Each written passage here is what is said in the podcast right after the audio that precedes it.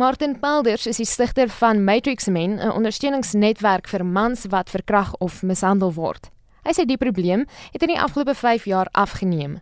Men involved in this fight were 5 6 years ago walled off. I remember some lady spitting in my face and saying, "You men don't belong in this is our sector." And I'm going like, "It's your sector how?" You know, "Oh well, we started this." I'm going like, "Well, you know, by default, the men started this because they be the ones that behave badly and we have a whole uprising."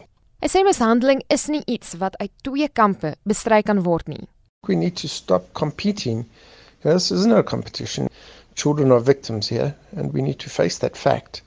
We need to unify and we need to stand together and we need to fight this together, not as men and as women separately, but together. En hy waarsku dat dit nie net meisies is wat mishandel word nie. People are still not prepared to talk out about the high numbers of boys that are perpetrated on. Everything is geared towards girls, geared towards girls, geared towards girls. You know, we need to take care of our girl child. No, we need to take care of our children. Finished, period. Hy sê dis asof daar 'n geslagsoorlog is in plaas van eenheid teen geweld.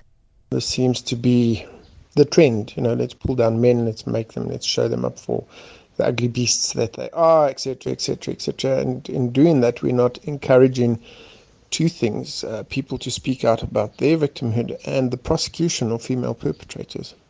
'n Aktivis en spesialis op die gebied van kinderregte en ontwikkeling, Luke Lamprecht, sê daar moet versigtig omgegaan word met hoe mans uitgebeeld word tydens byeenkomste teen geweld. The one I went down to last year in Kimberley, uh, it's a it's a man bashing event. Okay, and that's not helpful because that's not really a dialogue. And then the men who are there who are trying to help feel, okay, well, I'm just seen like all the other men. So it, it disincentivizes them from being involved. Die direkteur van Sam Sousa, 'n ondersteuningsnetwerk vir manlike slagoffers van seksuele geweld, Reese Mann, sê hierdie reaksie van vroue kan toegeskryf word aan frustrasie met mans se skynbare passiewe houding teenoor geweld. When we go to court to support parents to support victims, we're normally such a minority. There might be a handful of men there, but there's 40 or 50 females protesting outside. That's sad. That's sad that men know it is wrong, but they don't want to stand up and be counted. And that's why the women are angry with us. Because they're angry with the men who are not taking a stand.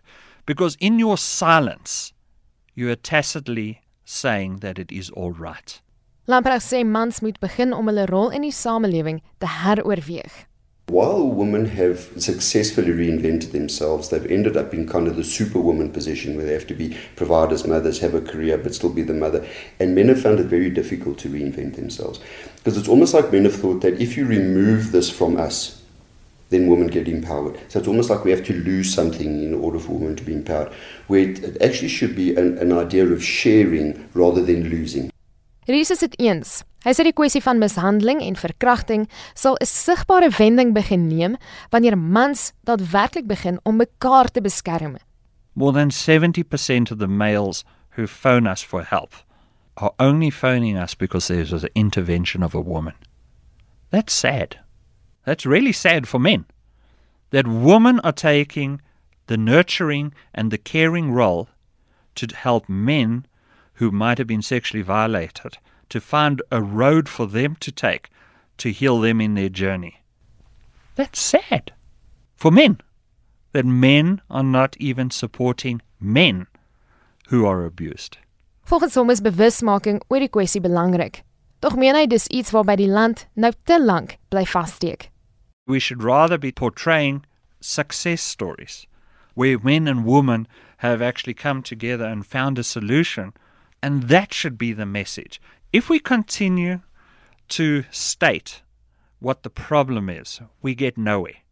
When we start discussing what a solution is, we're starting to get somewhere.